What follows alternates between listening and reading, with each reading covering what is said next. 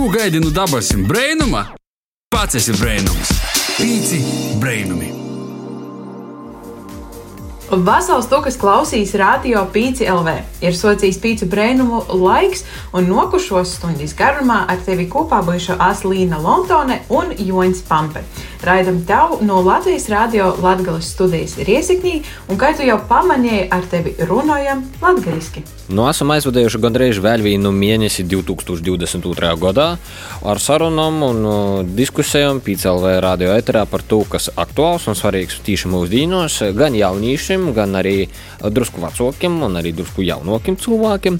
Nu, ja gadījumā palaidi kādu raidījumu garam, noteikti arī vērtīs uh, mūsu raidījuma atkārtojumus YouTube, vai arī noklausīties podkāstu straumēšanas vītņās, un arī PCLV sātas lopā, un, protams, arī sociālajos medijos mēs visur esam Facebook, Instagram un arī TikTok. Varu sakot, šodien noslēgsim Marta raidījuma ar tēmu par valodu, komunikāciju un sabiedrību. Un tēmas izvēle noteikti ir saistīta ar notīkašu karu Ukrainā, par to, ka tas skar nevienu Ukrainu, bet arī mūsu visu pasauli un visu plašu sabiedrību. Jā, nu tas temats tiešām ir tāds, kurā nevar pasakāt, ka tas mani neskar. Lielākā vai mazākā mērā skar visus. Un šodien gastos pie mums būs Ričards Križanovskis, jauniešu organizācijas Global Shapers Riga līdzdibinotājs un kurators. Kā arī Anastasija Tetarenko, Leta žurnāliste un pasniedzēja Latvijas universitātī. Sveiki un paldies, ka atradat laiku pie mums ierastīs. Vasali! Sveiki! Sveiki! Čau, čau. Un tad tā nu ir sanots, ka jūsu saknis arī nok no Latgaļas. Tā kā esat pazīstami ar reģionu, bet varbūt īsokumam pirms mēs tad ķeramies pie to lielo temata, jūs tad varētu pastostēt kaut ko vairāk par savu dzimto pusi un ar ko tad, ja jums asociēs, varbūt tad dosim dāmām priekšroku. Nu, es nāku no Rezeknes, Īstenībā teikt, ka no Rezeknes es nāku, varbūt gluži nav pareizi, jo piedzimusi ārpus Latvijas, bet uh, visu savu apzinīgo mūžu līdz vidusskolas beigām es nodzīvoju Rezeknē. Līdz ar to man ir diezgan skaidrs, kā izskatījās Rezekne iepriekš.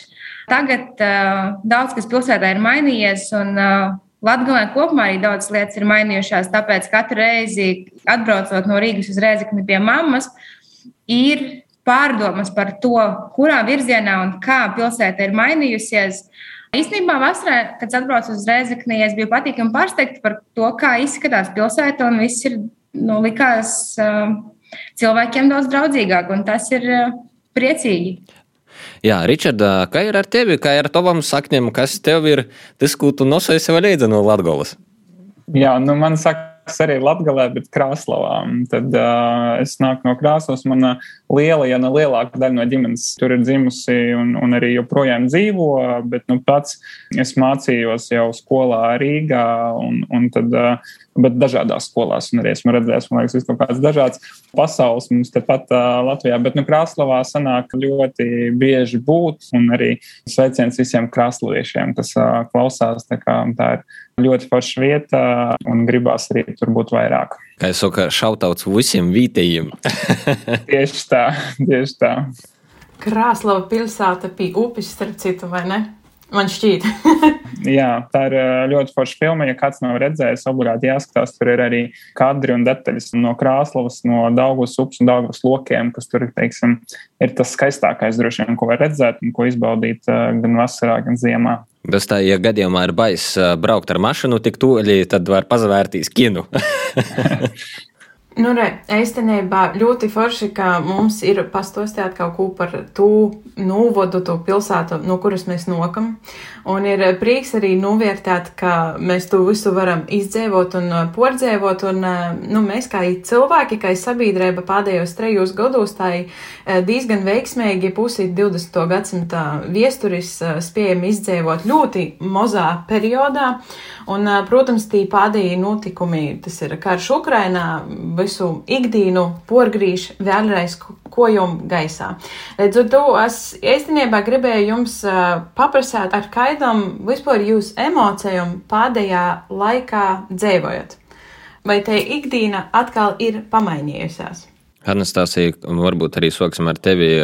Te ikdiņa jau ar covid jau mainījās kaut kurā brīdī, bet tādien ir vēl viens faktors, vai kaut kas ir mainījies, un kā tad itos pēdējos nedēļas projektos? Protams, ka viss, es nebaidīšos teikt, ka viss ir mainījies. Ir mainījies tā, kā mēs mostamies no rīta, ir mainījies tas, kā mēs aizējām gulēt, un līdz ar to arī ir mainījies viss tas, kas notiek pa dienu. Ir mainījušās bailes, ir mainījusies satraukuma sajūta, ir mainījušies iemesli, par ko mēs baidāmies. Ja iepriekš varbūt mēs baidījāmies par daudz triviālākām lietām, par to, kas um, patiesībā varbūt nav nemaz tik mums nozīmīgs mūsu ikdienā, tad tagad ir jābaidās. Varbūt pat nav jābaidās, bet mēs baidāmies no daudz būtiskākām lietām. Mēs baidāmies par sevi, par saviem radiniekiem, par dzīvību, par valsti, par Eiropu, par pasauli kopumā. Un bailīgi ir apzināties par to, ka mēs um, varam izdarīt to, ko mēs varam izdarīt, un nevaram izdarīt to, ko nevaram. Un arī tas uh, būtiskas uh, arī pārdomas ievieš sākot un beidzot katru dienu. Es atceros, ka tikko sākās karš 24. februārī, Es pamodos no rīta ar, eh, ar darba čatu, un esmu redaktore lielā informācijas aģentūrā, un tur informācijas aprite notiek visu laiku. Es pamodos no rīta ar um, notifikācijām, paziņojumiem darba čatos, kas vēsta par to, ka Krievija ir iebrukusi Ukrainā. Un, uh, tas uh, man ir grūti aprakstīt, kā es jūtos tajā rītā klausos daudz teiksim, ekspertu un politologu, tostarp no Krievijas, kas stāstīja, ka Nu, to nevarēja paredzēt. Tagad, protams, daudz saka, ka ai, nu, bet viss taču uz to veda, ka notiek tā, kā notiek. Bet patiesībā eksperti, kas gadiem pēta politiskās norises, teica, ka tas nebija vienīgais izējas ceļš. Līdz ar to, nu, protams, mēs visi esam šokā. Kad 21. februārī Putins sniedza savu ekscentrisko alternatīvās vēstures stundu, jau bija bail Bet tad, kad parādījās 24. februāra rīta ziņas, kļuva vēl neomalīgāk. Un tā kā mana profesionālā darbība ir tieši saistīta ar informāciju, nav iespējams nodrošināt sev kvalitatīvu šo informācijas tīrību, kas arī atstāja iespaidu uz mentālo labsajūtu. Es domāju, ka arī citiem, kas nav saistīti ar ziņu apriti un tam līdzīgām lietām, arī ir bijis grūti nolikt malā telefonu, beigt scrollot visu, ko ir iespējams scrollot, piesakot entajiem jauniem profiliem, par kuriem mēs nekad iepriekš nebijām zinājuši, instalēt telegramus un tam līdzīgas lietotnes, lai zinātu, kas notiek. Jo nu, skaidrs, ka šo stresu, neziņas sajūtu, mēs mēģinām kaut kā mazināt vismaz ar to, ka mēs it kā turam roku uz pulsa un it kā kaut ko mēģinām uh, kontrolēt. Bet patiesībā jau mēs uzzinām sev tikai lielāku stresu, bet nu, tāds ir tas saburtais lokus, un ar to mums, diemžēl, ir šobrīd jādzīvo. Nu, tad uh, iziet tāds, ka līvurs ir uzkritis virsā, ka ir baiss, ka kaut ko nevar izdarīt, un baiss, kas notiek. Nav jau tā, ka mēs izraunām stūrī jā, un tādiem beiztamēs. Vienkārši mēs turpinām it kā darīt lītas, bet pilnīgi piekrītu, ka tādā pakausī kaut kur siež visu laiku tas, kas notiek. Un piekrītu Anastasijai arī, ka katru reitu ir tāds jautājums, vai nav noticis vēl kaut kas vēl šausmīgāks.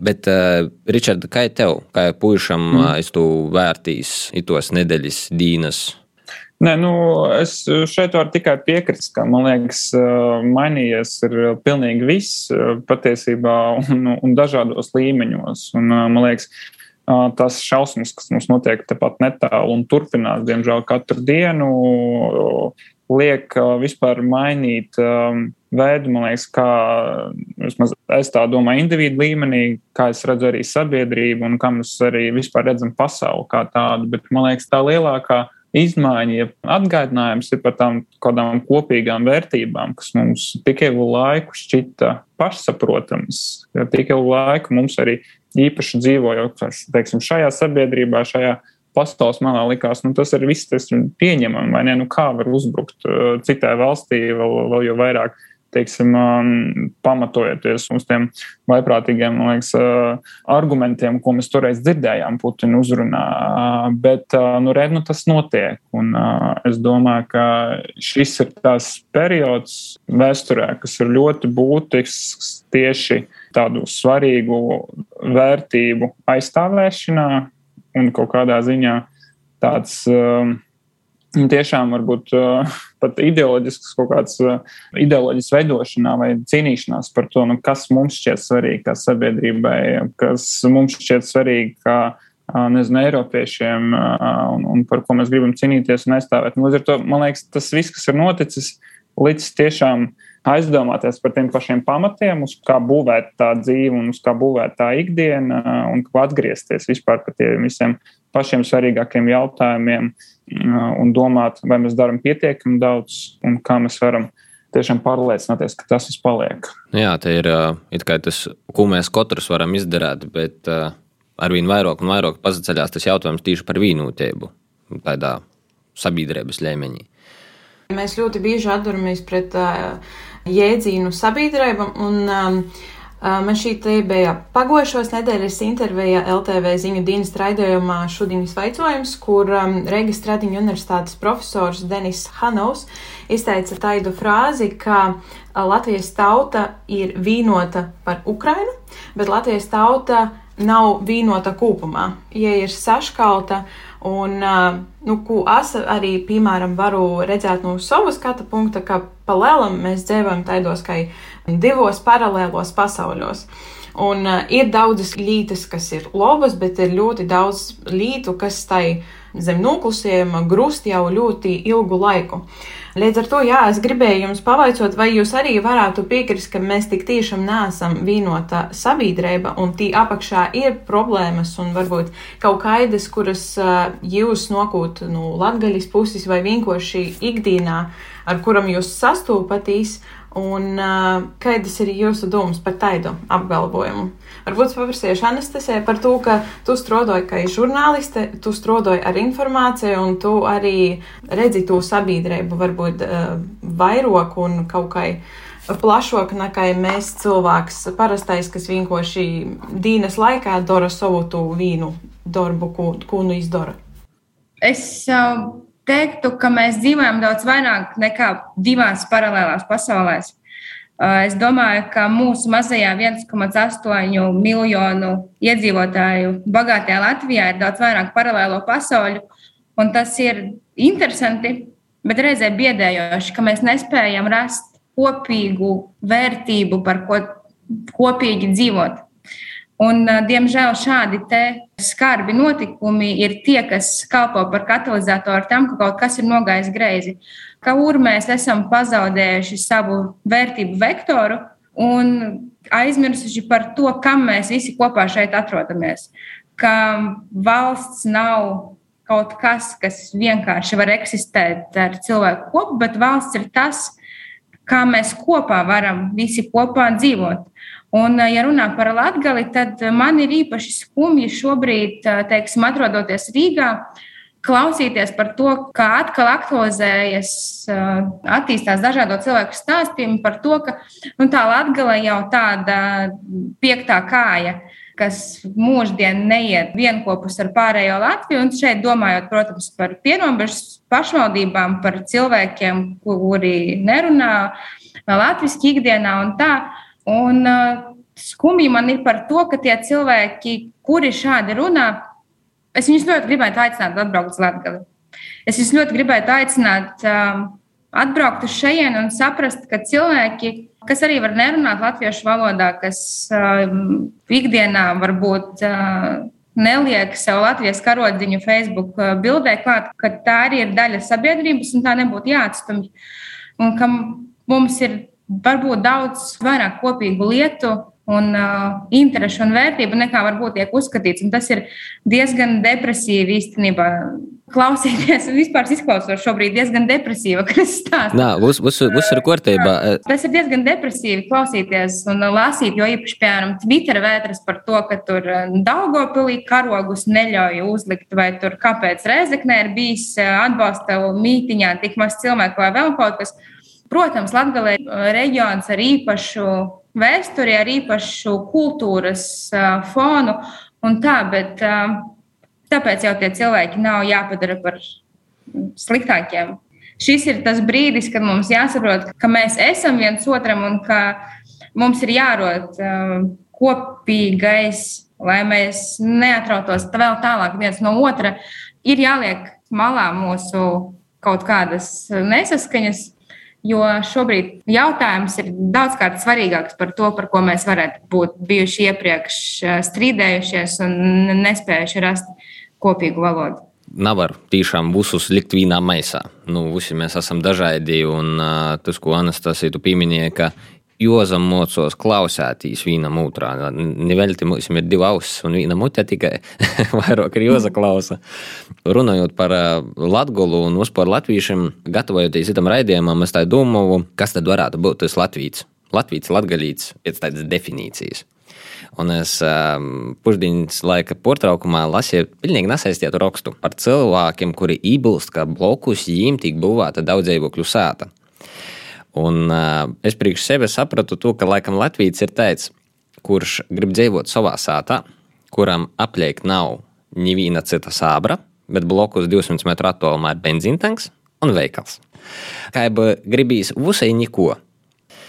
Jā. Es varbūt tieši gribētu pakomentēt, jo nu, es jums tā daļai piekrītu. Nu, skaidrs, ka Mums ir tā situācija valstī jau gadiem ilgi attīstījusies ar to, ka mums tās divas sabiedrības dzīvo. Tiešām dažreiz šķiet tāds atsevišķs dzīves, un, un man pašam arī palēmēs būt abās un, un ļoti tā cieši redzēt, teiksim, kā dzīvo tāda mazakumtautība mums, teiksim, sabiedrības, kā dzīvo teiksim, latviešu sabiedrības, un, un, un redzēt tās abas puses, bet man tieši šķiet, ka visas tās šausmas, kas ir notikušas, nu, kaut kādā ziņā atgādināja mums visiem, visām sabiedrības daļām, kāpēc mēs šeit visi esam vienā valstī, kāpēc uh, mums ir tā Latvija un kāpēc tas ir tik vērtīgi.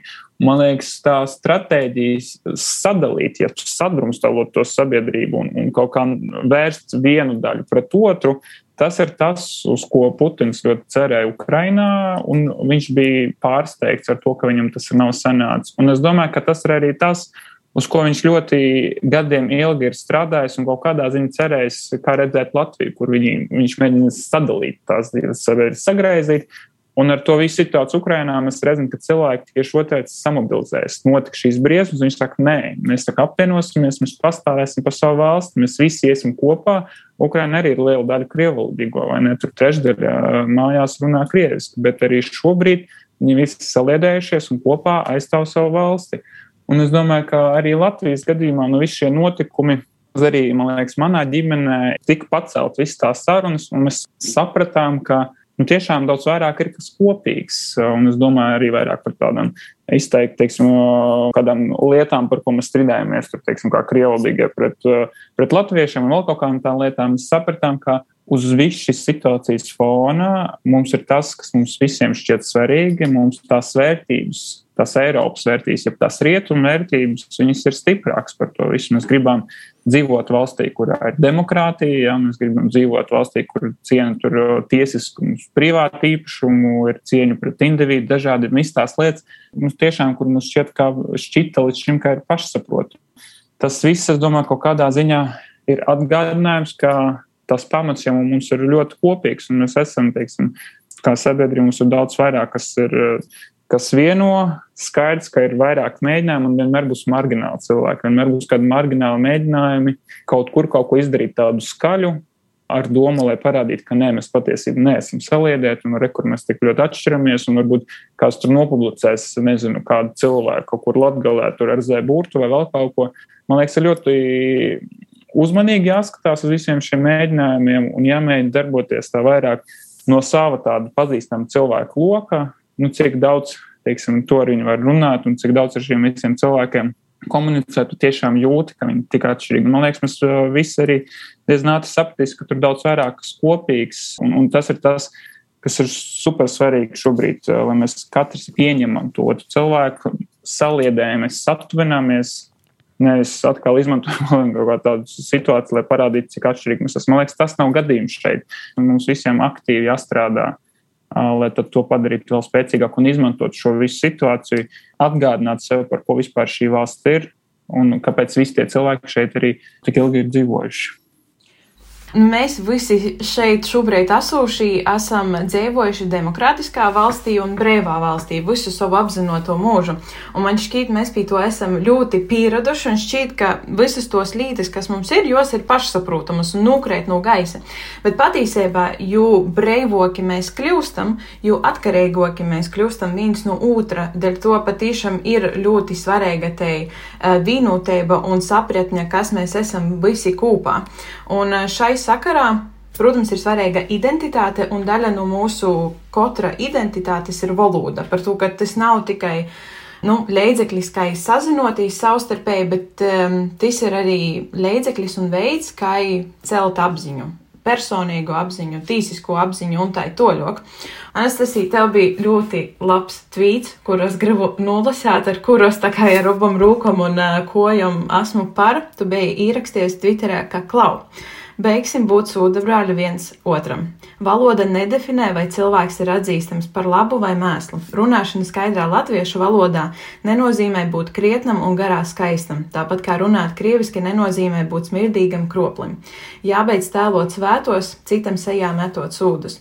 Un man arī tāpat šķīt, ka pīderību bija labs vai slikts, gudrs vai netik gudrs, nanūsaka tas, kaidā valodā tu runāji, bet gan tas, kaidas ir tavas reicības. Un uh, es gribētu ievirzīt vairāk uh, īto sarunu valodas, um, tā teikt, gultņā, par to, ka tas ir jautājums, kas velkās mūžīgi, man šķiet, leidza, un šis ir ļoti ass jautājums tagad, kas um, diezgan škeļ. Uh, Ričard, tu esi mocējis gan latviešu uh, skolā, kur primāri latviešu valodā runāja, gan krīvu valodā. Varbūt tu izpieredzis vari pateikt, vai tas tiešām tā ir, ka mēs, mēs šķeļamies ar valodu un kuras ir tos lielākos problēmas, kuras tu redzi un kuras, pie kuram būtu jostrodoja? Nu, es, es sākšu ar to, ka man uh, dzimtā valoda ir krievu, un es līdz 9. klasē esmu mācījies krievu skolā. Un, uh, tas, eh, par ko man bija milzīgs pārsteigums, ir bijis, ka līdz pat tās 9. klases beigām, neskatoties uz to, ka es biju ļoti sociāli aktīvs, gāju dažādos pulciņos, sporta nodarbībās, treniņos, man līdz pat 9. klasē nebija neviena latviešu drauga. nebija iespējas parunāt latviešu ar draugu. Nevienā no tādām dažādām situācijām un vietām, kur esmu bijis. Un tad, pārējot latviešu skolā no desmitās klases, nu, tad tā situācija krasi mainījusies. Tad es pēkšņi sapratu, ka tur ir tas otrs burbulis, kur ir pilnīgi dzīvot tādu savu dzīvi, un uz kuru es biju patiesībā sākumā ļoti dusmīgs. Man liekas, nu kā tad es esmu nodzīvojis 16 gadus no savas dzīves un vispār neesmu redzējis milzīga daļa no sabiedrības. Neskatoties to, ka es biju atvērts, man nebija tā, ka man bija kaut kādas pretenzijas, vai es negribēju runāties.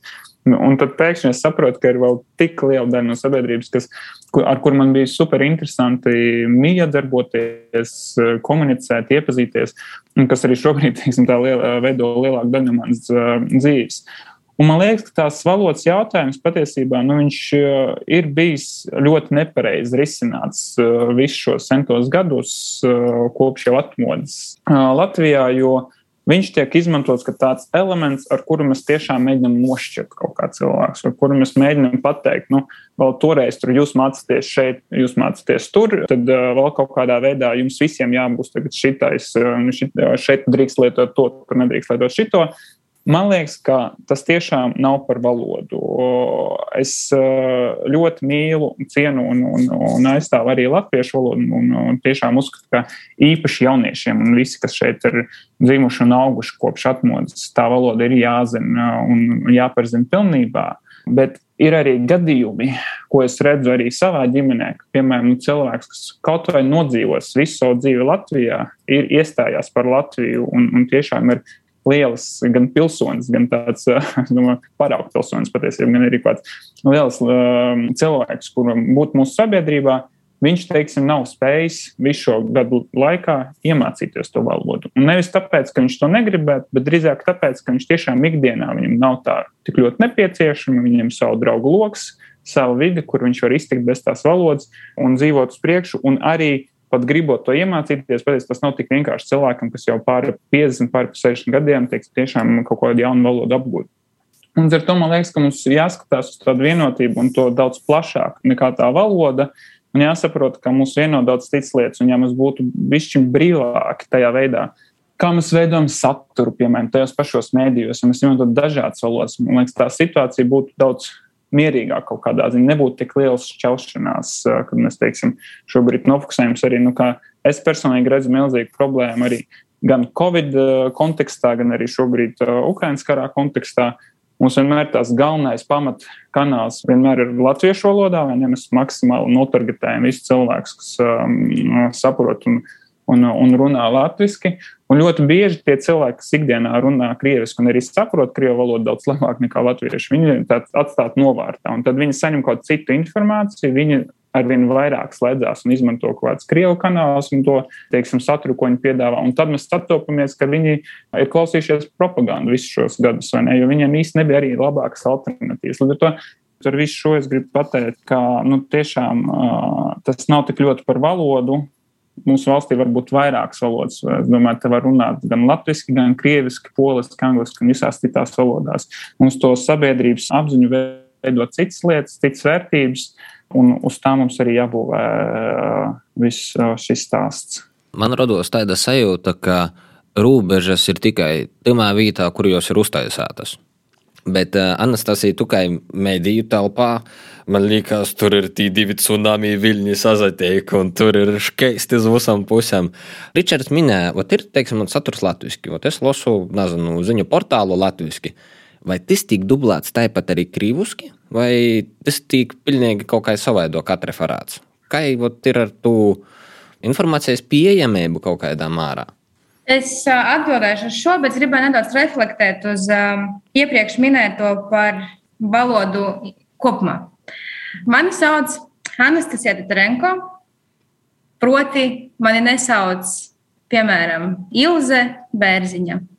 Bet uh, tas, ka man ir eh, daudz ieskatā, teiksim, krievisks vārds, lai gan uh, vārds ir sengrieķu uzvārds, uh, tagad vispār būtu ļoti populārs, jo ir ukrāņu. Daudz uzskata, ka tas ir, tas ir krievisks vārds un uzvārds, un tā iemesla dēļ atļaujas man rakstīt dažādas, nu, teiksim, tur uh, riebeklības sociālajos mēdījos par to, ka man tur, es nezinu, čemodāns stācija dzimtene, lai gan uh, es esmu mācījusies.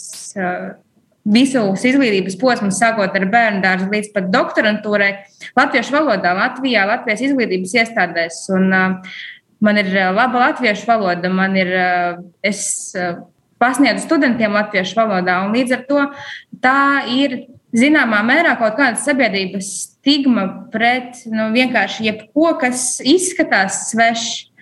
Neiedziļinoties, un tas ir briesmīgi, ka cilvēki izdara spriedumus par kaut ko, pat nemēģinot saprast, par ko viņi runās.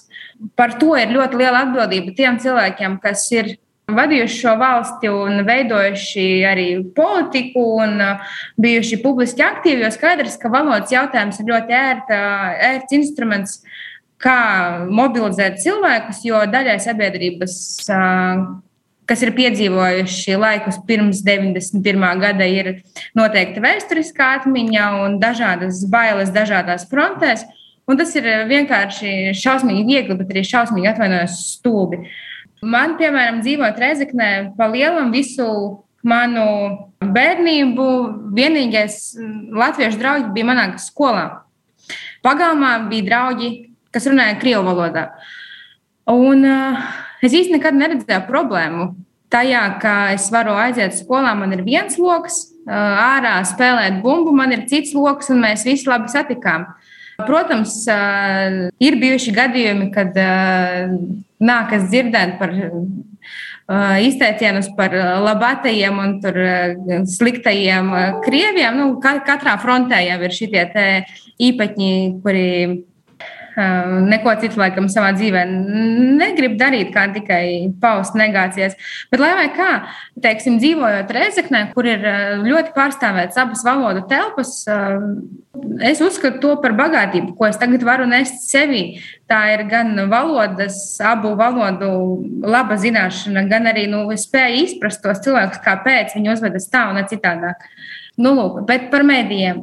Atbildot jautājumu, vai, vai un kā atšķiras mediju saturs, īstenībā tas ir pētniecības jautājums, ar ko nodarbojas pētnieki, pētot to, kādi ir uzsvari daudzos medijos. Un, piemēram, ja mēs šobrīd atvērtu, ja mēs atveram, piemēram, pat uh, Delfus latviešu un krievu valodā, tās būs nedaudz atšķirīgas ziņas. Jo tās ir atsevišķas redakcijas, un skaidrs, ka cilvēki strādā nu, drusku atšķirīgi. Tas nenozīmē, ka tas ir slikti vai labi. Vienkārši cilvēki strādā uz kaut kādu savu auditoriju, piemēram. Un tas, tas nenozīmē, ka Latvijas mediju krievvalodīgās redakcijas ir kaut kāds draudz latviskā identitātei. Pasarg Dievs, tā tas uh, nav.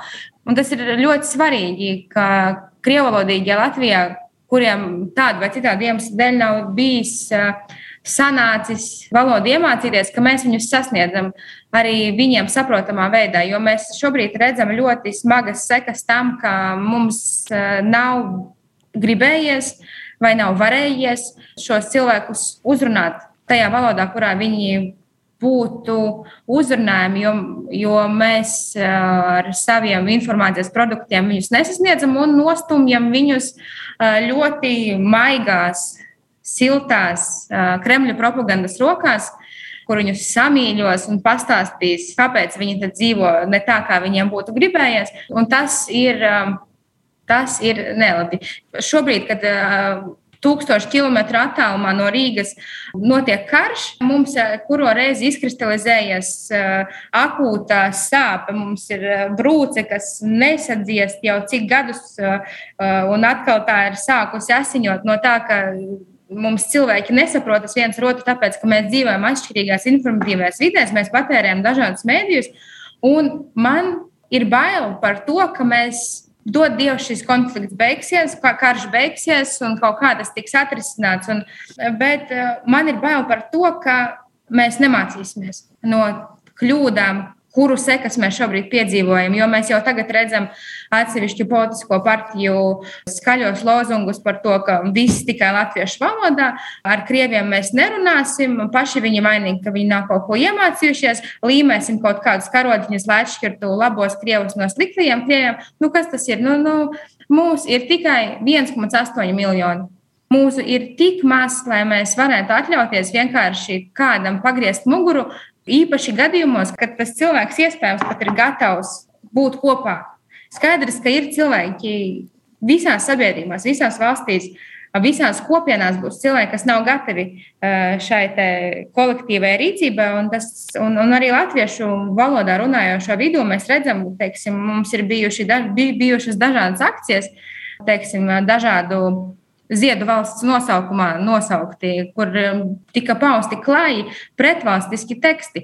Vai mēs uh, varam uzskatīt, ka tāpēc, ka tie teksti bija skaistā latviešu valodā, izmantojot pat reizēm citātus un dzēju, vai tas nozīmē, ka tie cilvēki ir uh, labāki par tiem, kuri šādus citātus nevar pateikt latviešu valodā? Visticamāk, ne ar ko labāk viņi nav. Un, jā, līdz ar to man ir bail par to, ka mēs nevarēsim uh, kā valsts izdarīt pareizos secinājumus un virzīties kaut kādas saprātīgākas integrācijas virzienā, kur cilvēki, kas ir gatavi būt vienotā informācijas vidē, joprojām nespēs rast sev šeit patvērumu un gūt informāciju, kuru mēs paši gribētu viņiem iedot, bet spītīgi, nezinu, kādu iemeslu dēļ nevaram to izdarīt. Un tas man kā mediju pētniekam, piemēram, un žurnālistam, man personīgi tas liekas ļoti, ļoti nepareizi.